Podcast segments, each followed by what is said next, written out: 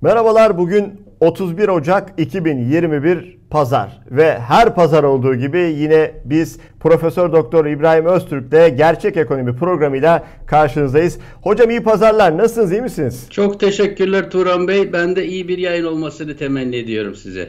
Teşekkür ediyorum hocam. Umarım öyle olacak. Haftanın en önemli ekonomik olayını sormak istiyorum. Buradan bugün yola çıkarız diye düşünüyorum ama hocam Cuma günü, Cuma günü Cumhurbaşkanı Erdoğan bu kez esnafı hedef aldı. Bu da bence e, haftanın önemli olaylarından biriydi. Bu hayat pahalılığını, fiyat artışıyla alakalı suçluyu buldu. Bu kez esnafı hedef aldı.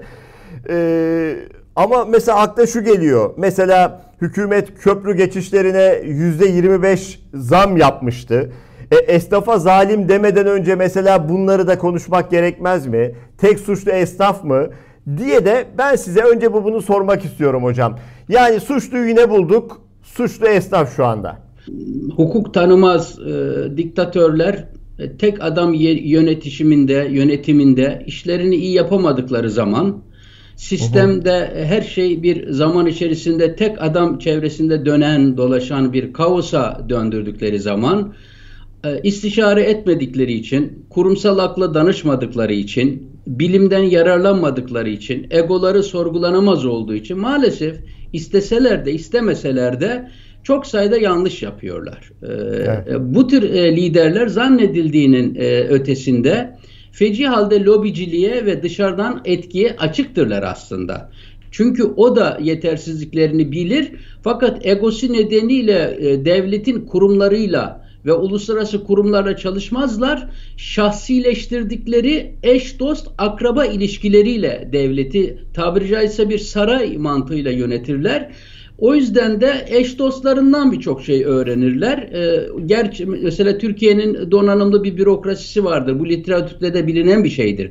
Yani sizin anayasanız çok iyi olmazsa ana, e, yasalarınız, zemininiz, kurumlarınız iyi olmazsa bürokratlarınızın iyi olması da işe yaramaz. Sürekli onun için bürokratlara suç bulmanın bir anlamı yoktur. Türkiye'nin bürokrasisi Osmanlı'dan beri gelen donanımlı bir bürokrasi olarak literatürde bilinir.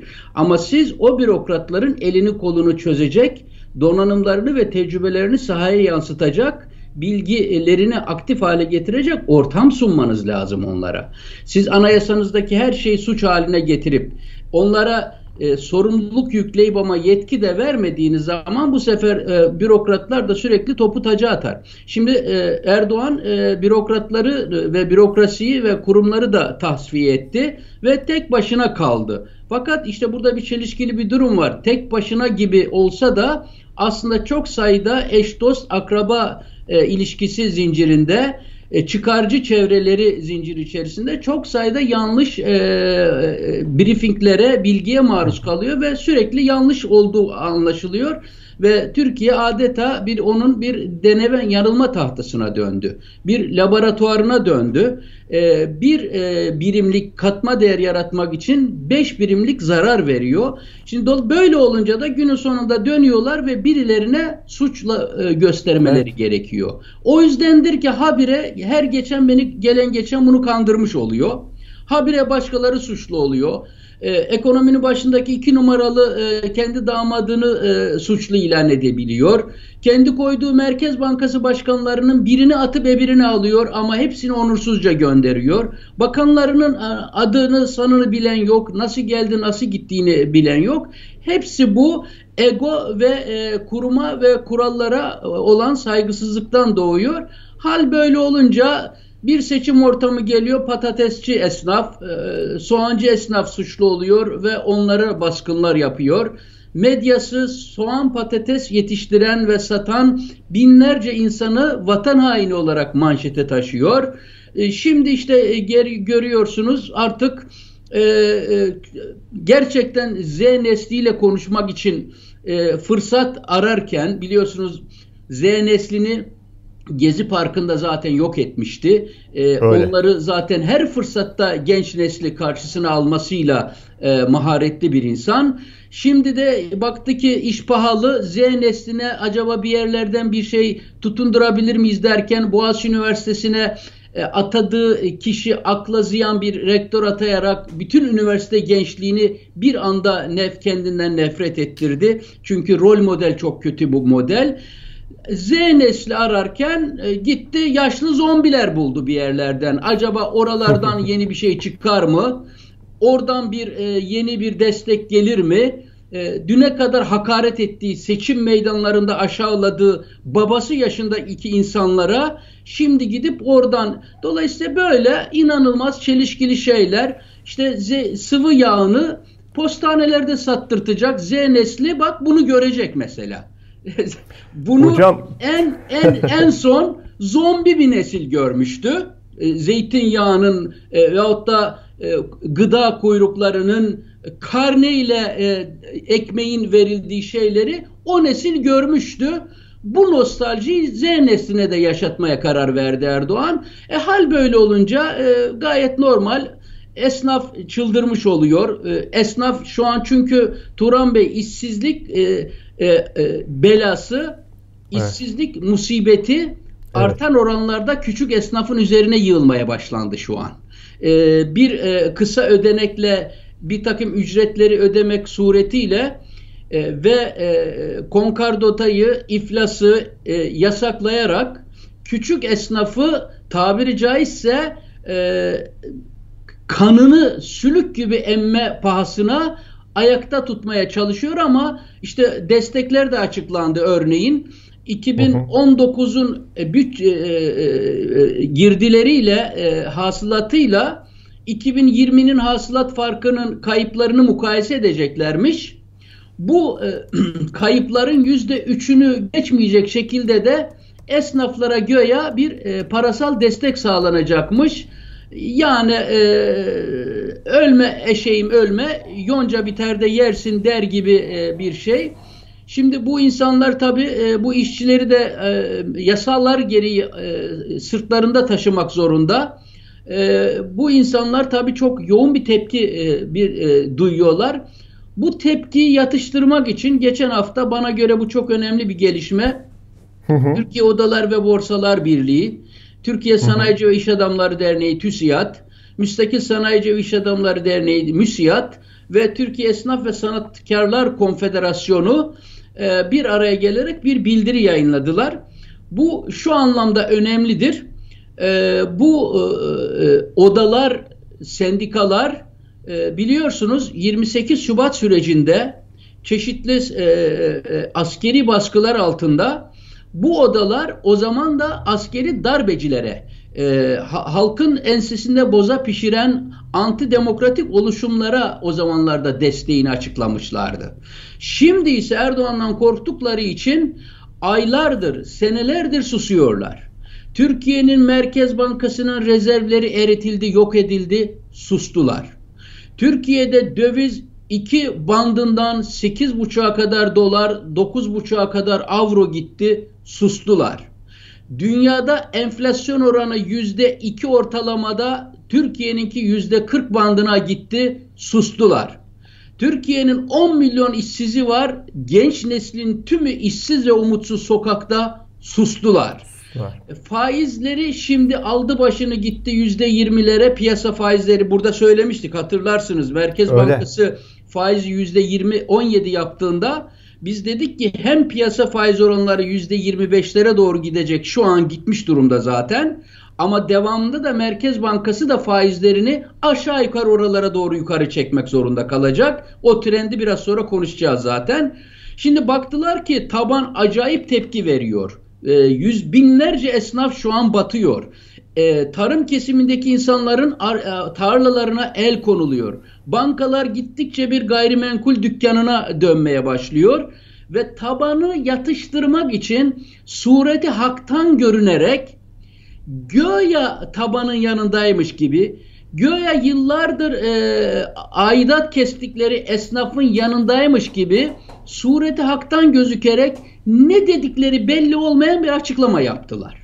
O açıklamada da dediler ki Türkiye'nin kısaca söyleyeyim, herkesin anlayacağı dille söyleyeyim. Kardeşim Türkiye'de enflasyonun bu şekilde dünyadan bilmem kaç kat yüksek olduğu ortamda Çünkü onu onlar zikretmediler. Türkiye'nin enflasyonunun dünyadan kaç kat yüksek olduğunu söylemeye e, sıkar biraz. Onu söyleyemediler. Dediler ki Türkiye'nin fiyat istikrarına ihtiyacı var. Şunu bile diyemediler. Kardeşim bu hükümet zamanında dünyada enflasyon diye bir sorun yokken bu ülkenin enflasyonunu resmi rakamla bile yüzde on dört buçuk yapmışlar. Bu kabul edilemez diyemediler. Türkiye'nin fiyat istikrarına ihtiyacı var dediler ve Merkez Bankası'nın ve tabii ki Erdoğan'ın faiz artırma politikalarına destek verdiler aslında. E, dolayısıyla Merkez Bankası'nın önünü de siyasetin önünde açmış oldular. Kardeşim biz senin arkandayız. Faiz artırmaya devam et. Şunu söylememiz lazım Turan Bey. Burada çok önemli bir şey var. Şimdi bir, e, bir kere bu iş adamlarına göre, bu Türkiye'deki odalara göre, borsalara göre, e, e sendikalara göre Türkiye'de faizin ötesin, kısaca fiyat istikrarının ötesinde, yani bozulmuş enflasyon verilerinin ötesinde hiç başka bir sorun yok. Kocaman bir sayfa açıklama yapmışlar. Dikkatli okuyorsun. Mafya sokağa inmiş. Köşe başlarında tahsilat yapıyor. Hoşuna gitmeyenleri öldürüyor. Emeğinin hakkını savunduğu için, arkadaşlarının öğle yemeği verilmediği için kuru ekmek yediriyorlar bize öyle paydosunda dedikleri için insanları dağa kaldırıyorlar. Günlerce işkence ediyorlar. Sonra şehrin bir köşesine atıyorlar bir daha yapma bu tip hareketleri yoksa yok ederiz seni diye. Ve bu sayın iş adamlarına göre Rifat Hisarcıklı olduğuna göre müsiyada dışında secde gören insanlara göre böyle bir sorun yok.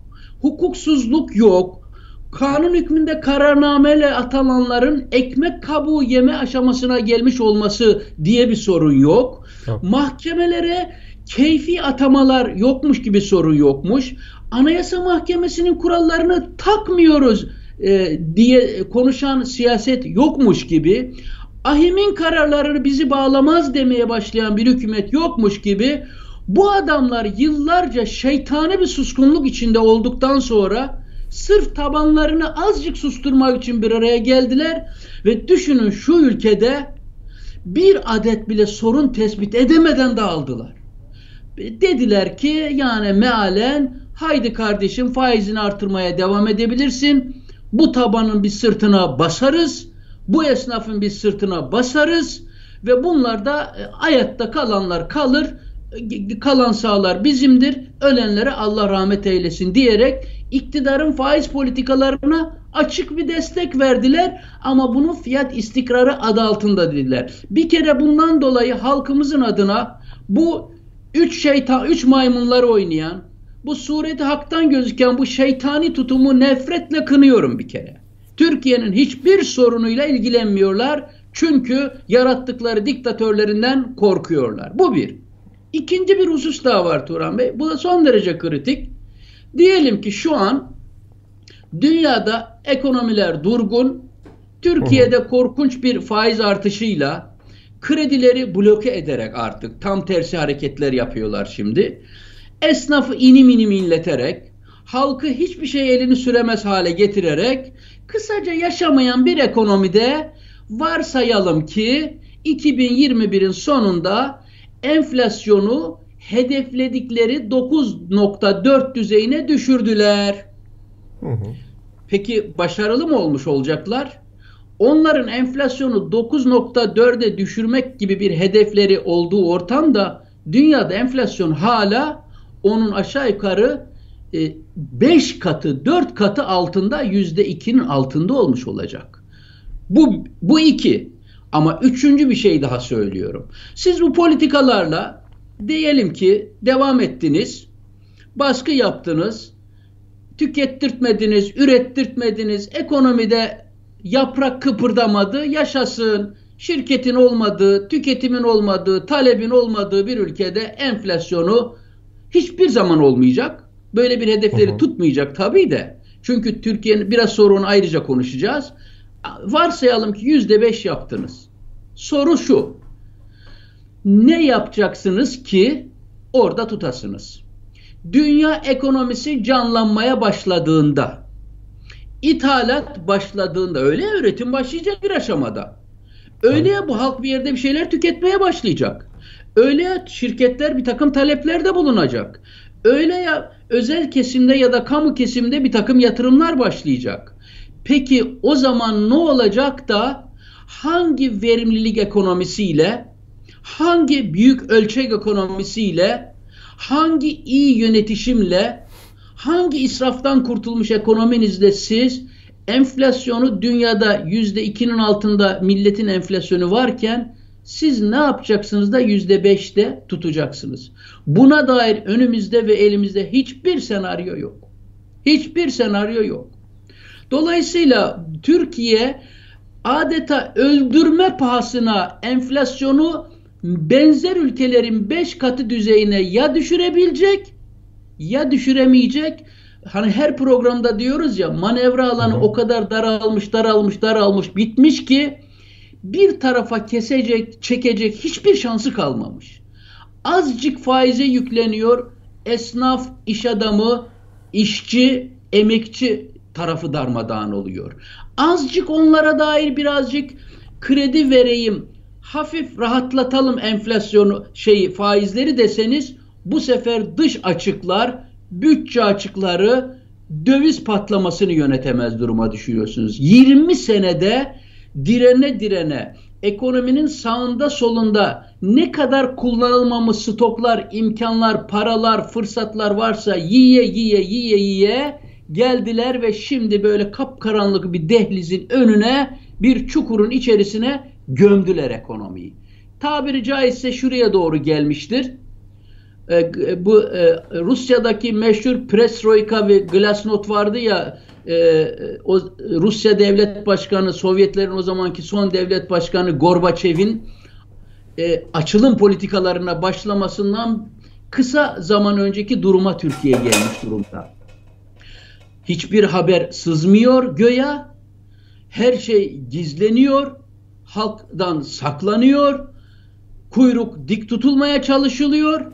Fakat e, o e, Perestroika ve Glasnost politikaları açıklandığında nasıl ki Rusya'da enflasyon e, onlarca kat arttı.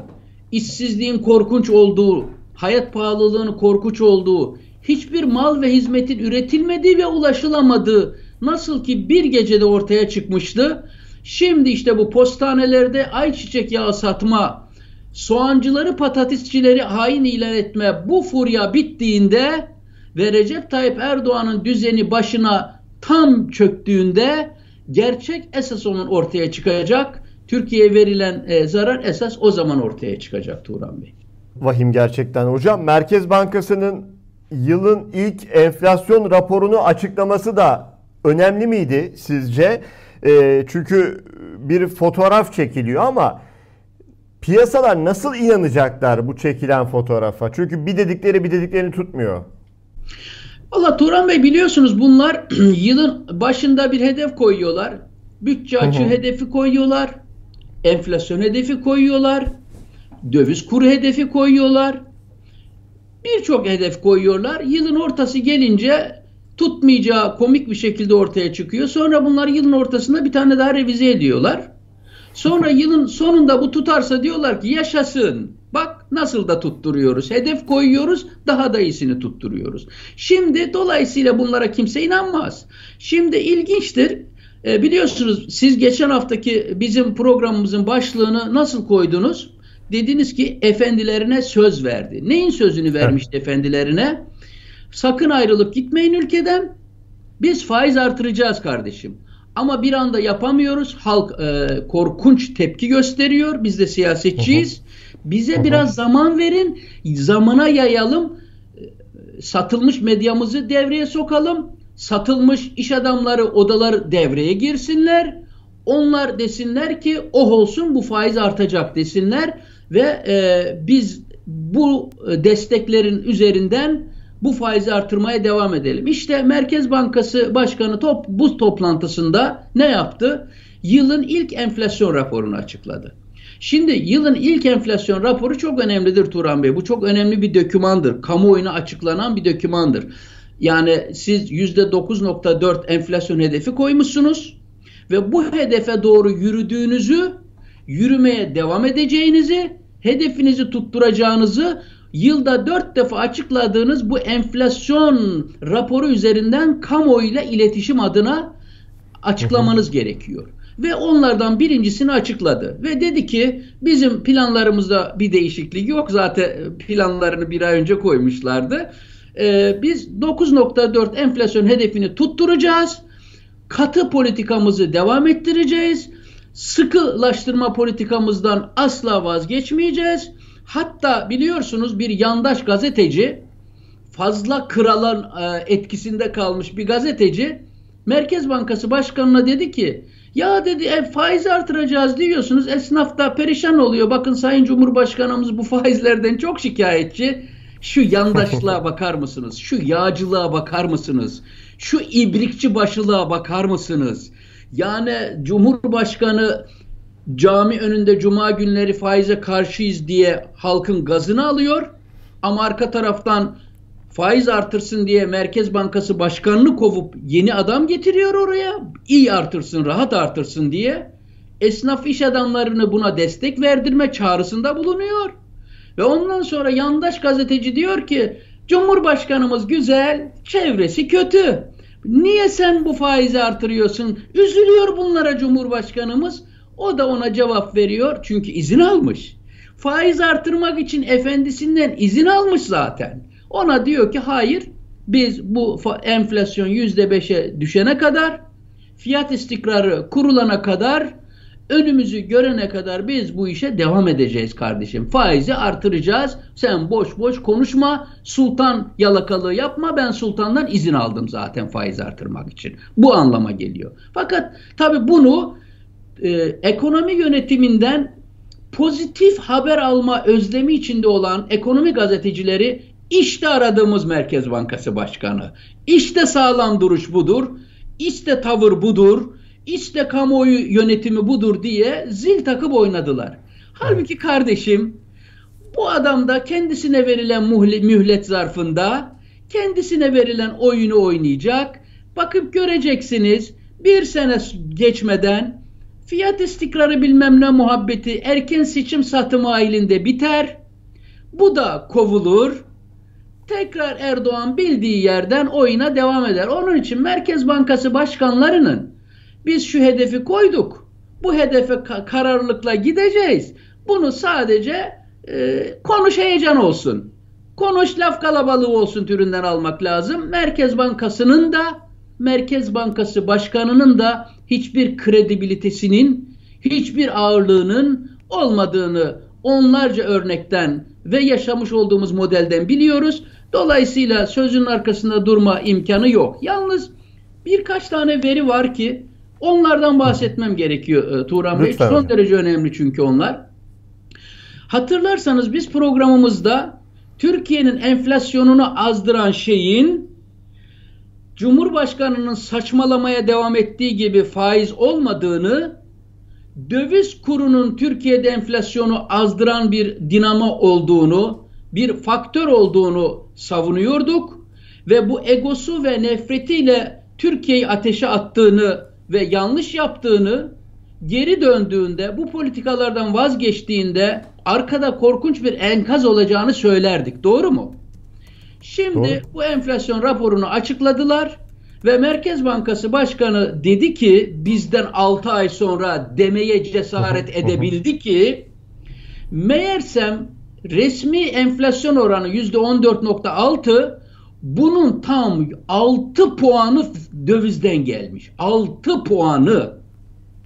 Yani neredeyse yarısı yüzde seksene varan kısmı nerede yüzde kırka varan kısmı neredeyse tek başına döviz e, üzerinden ülkeye gelmiş. Bunu ancak 6 ay sonra zikredebildiler. Bu bir. İkincisi yani dolayısıyla Cumhurbaşkanı'nın faiz saçmalığının ne kadar e, bir zarar verdiği ve e, ekonomide faizin bir enflasyonist bir etkide bulunmadığını maalesef vahim bir şekilde deklare etmek zorunda kaldılar. İkinci bir şey var ki onu da muhakkak surette e, zikretmek lazım Turan Bey. Maalesef yandaş bir dönemden geçtiğimiz için bunu Ekonomi yazarları bunu da söyleyemediler. Onu da bizden duyacak şimdi kamuoyu.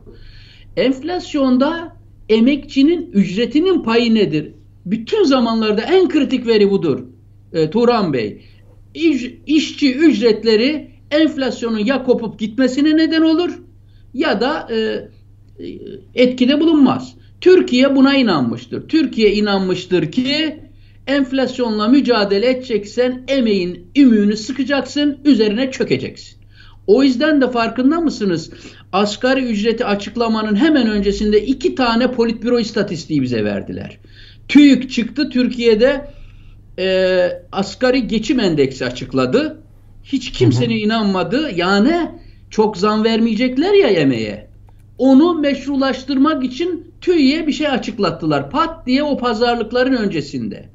Sonra döndüler Merkez Bankası'na, başkanına hiç merak etmeyin biz de enflasyonu 9.4'e zaten çekeceğiz diye açıklama yaptırttılar ki sendikalara, emekçilere çok da ısrar etmeyin biz size ne verirsek bununla yetinin dediler ve e, bir e, buna göre ücret artışı yaptılar. Şimdi enflasyon raporunda gördük ve okuduk ki Merkez Bankası söylemiş oldu ki karşımızda bulunan devlete göre, devlet demeyelim, hükümete göre yüzde on dört buçukluk enflasyonda, bize göre yüzde kırklık enflasyonda emek maliyetlerinin rolünü söylüyorum. Reel birim iş gücü maliyeti olarak söylüyorum. Raporda var.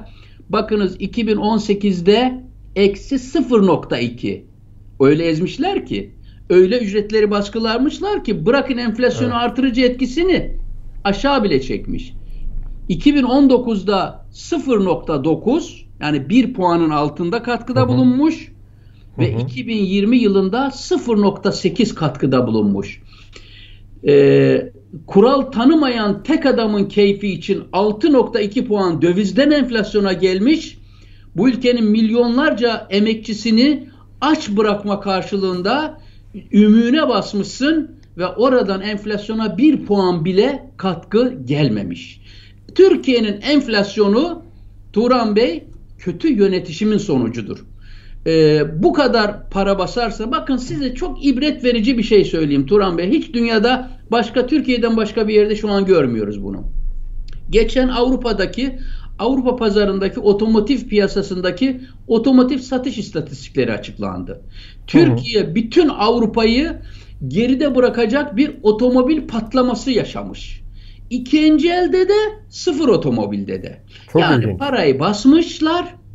Bu parayı toplumun en kırılgan kesimlerine, emekçiye, mikro işletmelere, kobilere, hane halkına verip kardeşim devletiniz buradadır. Öğrencilere e, verip bilgisayarı olmayanlara, interneti olmayanlara, bilgiye erişim arayan insanlara vermek yerine gitmişler bankalara demişler ki biz paraları bastık, sizin elinize verdik, size şart koşuyoruz.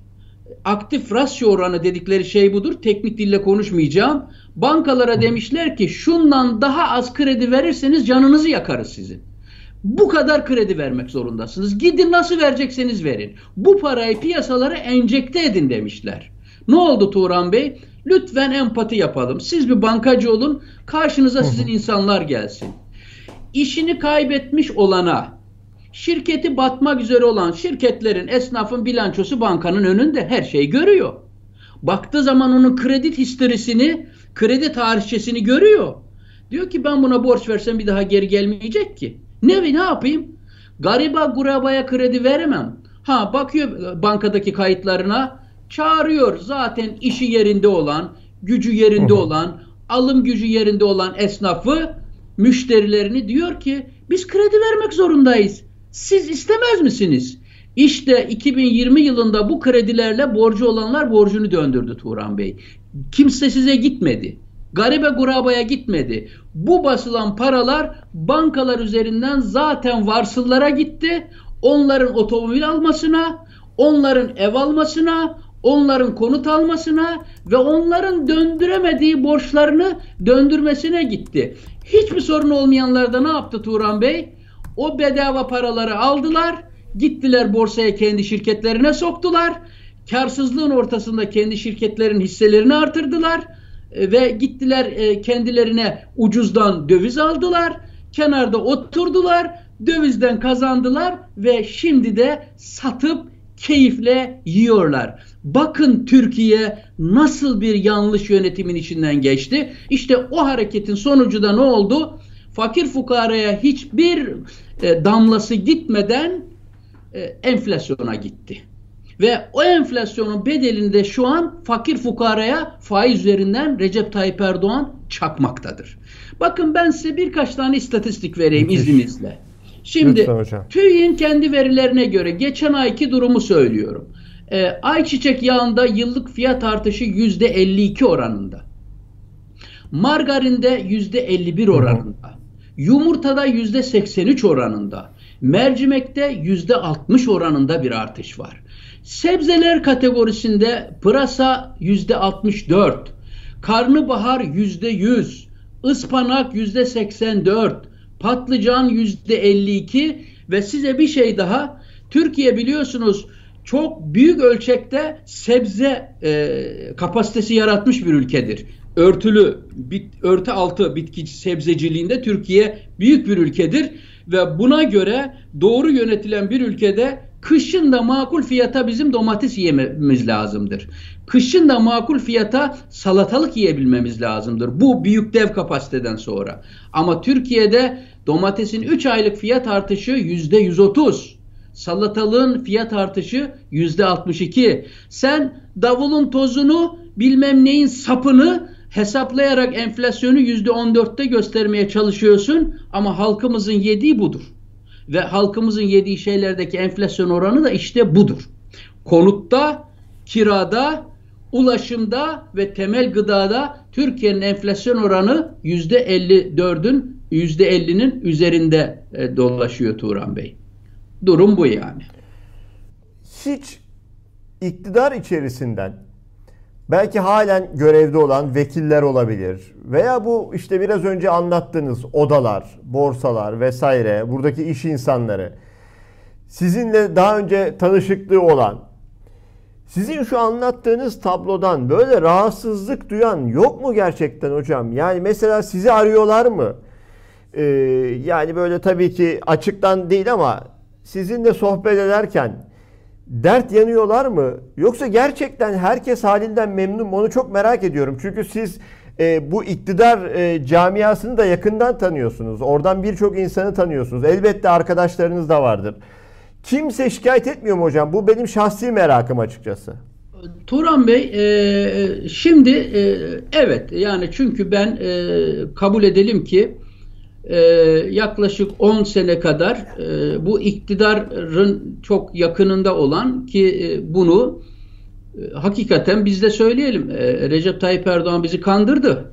Yani hani Türk filmlerinde vardır ya Avrupa'ya götürmek için kandırıp bir kamyonun kasasına doldurdukları insanların parasını aldıktan sonra sirkecinin arka sokaklarında bırakıp garip kuraba Anadolu e, işçisi Avrupa'ya çalışmaya gidiyorum zannederken kendini sirkecinin arka sokaklarında bulduğu hikayeye benzer bir oyun oynadı bize Recep Tayyip Erdoğan.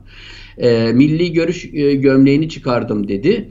Ee, ama şu an milli görüşçülerin hepsi yanında ne hikmetse. Ee, öyle ya Saadet Partisi'nin yüzde bir bile reyi yok. Onlar gökyüzüne gitmediler e, milli görüşçüler maalesef e, söyledikleriyle e, e, yaptıkları e, birbirine uymuyorlar. Hepsi e, Recep Tayyip Erdoğan'ın arkasında ama bizi de kandırdı. Liberalleri de kandırdı yani. Demokratları da kandırdı. Zannettik ki e, Avrupa Birliği yönünde gidecek. Zannettik ki reformları yapacak. Türkiye'ye bir demokrasi, yüksek e, e, insan hakları standardı, rekabetçi, dünyaya açık e, bir ekonomi bırakacak zannettik. Fakat maalesef sosyolojiyi ihmal ettiğimiz için kültür ve zihniyeti ihmal ettiğimiz için o kodları iyi okuyamadığımız için okumak da işimize gelmediği için e, maalesef kandırıldık. E, dolayısıyla e, şimdi e, ben de o kandırılanların elbette arasındayım. Ben iki ama e, eleştirisini de yapmış bir insan olarak en azından rahatım. 2012 e, itibariyle de 2011 itibariyle de tüm desteğimi zaten e, genel seçimlerden sonra tümüyle çektim ve kenara ayrıldım zaten. Ama tabii o kesimin insanları e, ile iç içeyim. Onların e, ruh yapısını, reflekslerini biliyorum. Size güzel haber veremeyeceğim. E, canları yandığı için İslami kesim, muhafazakar kesimin canlı yandığı için elbette şikayet ediyorlar. Fakat e, ilke bazında, ahlak bazında ders aldıklarını düşünmüyorum. Bu kesim, yani ben size bir şey söyleyeyim mi? Çok e, çarpıcı Çok olsun. Bugün Recep Tayyip Erdoğan bütün dincilerin, bütün muhafazakarların hayallerini gerçekleştiriyorlar. Bunun yanında rant alamadığı için, para yiyemediği için, bunun tarafından itilip kakıldığı için, izzeti nefsi ve onuru sarsıldığı için kenara geçip de şimdi ciyaklayanlara bakmayın. Maalesef Müslümanların aynaya baktıkları zaman gördükleri Erdoğan'dır. Hepsinin yani Boğaziçi Üniversitesi'ne kötü bir rektör atamışsa bu hepsinin hayalidir. Ee, Anayasa Mahkemesi'ni tanımıyoruz demişse bu hepsinin hayalidir. Uluslararası yargıyı tanımıyoruz, dünyayı takmıyoruz demişse bu hepsinin hayalidir. Esas olan nedir biliyor musunuz? Bunlar benim karşıma da çıkamazlar. Benimle de yüzleşemezler. Çünkü bunlar gerçekten pişman olmuş değillerdir. Gerçekten pişman olmak güçlü bir tutarlı öz gerektirir. Bunlar maalesef bu kirliliğe, bu e, omurgasızlığa, bu haksızlığa prim veriyorlar. İnandıkları dinin mezhebi bu zulümlere onay veriyor. Bu hile-i şeriyelere onay veriyor. Bu çürümelere onay veriyor ve ben o cephede büyük bir e, zaaf görmüyorum. Sadece aç kaldıkları için, işletmeleri çok kötü duruma düştüğü için feryat ediyorlar ama bunun nedenini bilmiyorlar. Bunun arkasında gerçekten ne olduğunu maalesef kavramış gözükmüyorlar. Buradan şu sonuç çıkar. Hı hı. Türkiye'de bunlar tekrar eder. Ali gider, Veli gelir bunlar tekrar eder. A partisi gider, B partisi gelir bunlar tekrar eder. Türkiye medeniyet e, yarışında Orta Doğululuğu aşacak tavanı yırtıp birkaç kademe öteye geçemedi. Zıpladı, Orta Doğu'ya geri düştü. Türkiye'yi bekleyen hedef İran, Bangladeş, Pakistan gibi standartlar olacaktır ve e, bundan da Türkiye'nin kurtulma şansının olduğunu düşünmüyorum doğrusu.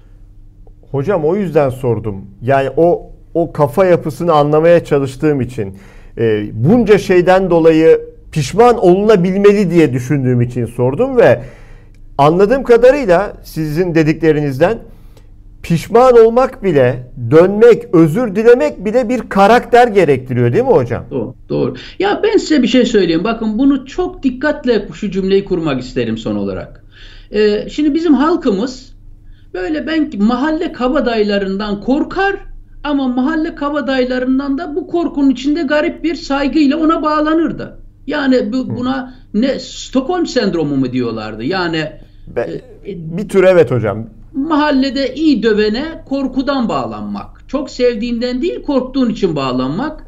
Şimdi Türkiye'de e, hukuku tanımıyorum dedikçe, Amerika sen kimsin dedikçe, ey İsrail dedikçe, e, ey elitler dedikçe, ey boğazın zenginleri dedikçe e, halkımız e, zevkten dört keşi oldu. Fakat şunu düşünsünler. Yani dünyayı takmayan, Avrupa insan haklarını takmayan, Anayasa Mahkemesi'ni takmayan, yargıyı takmayan, ahlakı takmayan, adabı muaşereti takmayan, insafı izanı takmayan kişilerin yarın bir gün bu halkın nasıl davranacağını bir e, e, hesap etmeleri gerekir. Kendilerini nasıl bir düzenin beklediğini iyi hesap etmeleri gerekir. O yüzden kuralları takmayan, ilkeleri takmayan, kurumları takmayan, geleneği takmayan, birikmiş tecrübeyi, bilimi takmayan, liyakatı takmayan liderlere destek vermemek gerekir. Yaşasın ne kabadayı dememek gerekir. İşte geldiler geldiler bak mafyalarını da halkın ve esnafın üzerine evet. sürmeye başladılar. Bakın geçen hafta İstanbul'un ortasında bize öğle yemeklerinde kuru ekmek veriyorlar. Yemeğimizi vermiyorlar. Çalışan emekçi arkadaşlarımızı eziyorlar. maaşlarını zamanında ödemiyorlar dendiği için bir tane emekçiyi gece, e, kaçırttılar, kafasına çuval geçirdiler, işkence yaptılar, soğuk suların altına koydular, tabutluklara koydular. Ve e, sonra da bir daha aklını başına devşir, yok yemek yiyemedik, yok ezildik gibi şeyler yapma diyerek bakın sömürü de bu aşamaya gelindi. Onun için halkımızın en kıymet verdiği değerler, kurallar, kurumlar, liyakat ve adil yarış olması lazım ve bu siyasetçileri de artık tanımış olmaları lazım. Peki hocam. Çok teşekkür ediyoruz. Evet bir programın daha sonuna geldik. Bizimle olan, bizi mesajlarıyla destekleyen, yayını beğenen bütün e, seyircilerimize çok çok teşekkür etmiş olalım. Ama eleştirileri de e, alıyoruz elbette. Varsa onları da yazın. E, her e, programda e, özellikle söylemeye, vurgulamaya çalışıyorum. Mesajlarınız bizim için çok değerli. E, hem biliyorum ki İbrahim Hocam da okuyor. E, elinden geldiğince vakit ayırıyor. Ben de okuyorum. Ee, çok fazla olmasına rağmen bazılarına dönmeye de çalışıyoruz ama takdir edersiniz ki her bir mesaja cevap vermek çok zor ama onları görüyoruz ve o bize gerçekten büyük bir enerji veriyor. Haftaya bir başka programda daha görüşmek üzere diyelim. Hoşçakalın.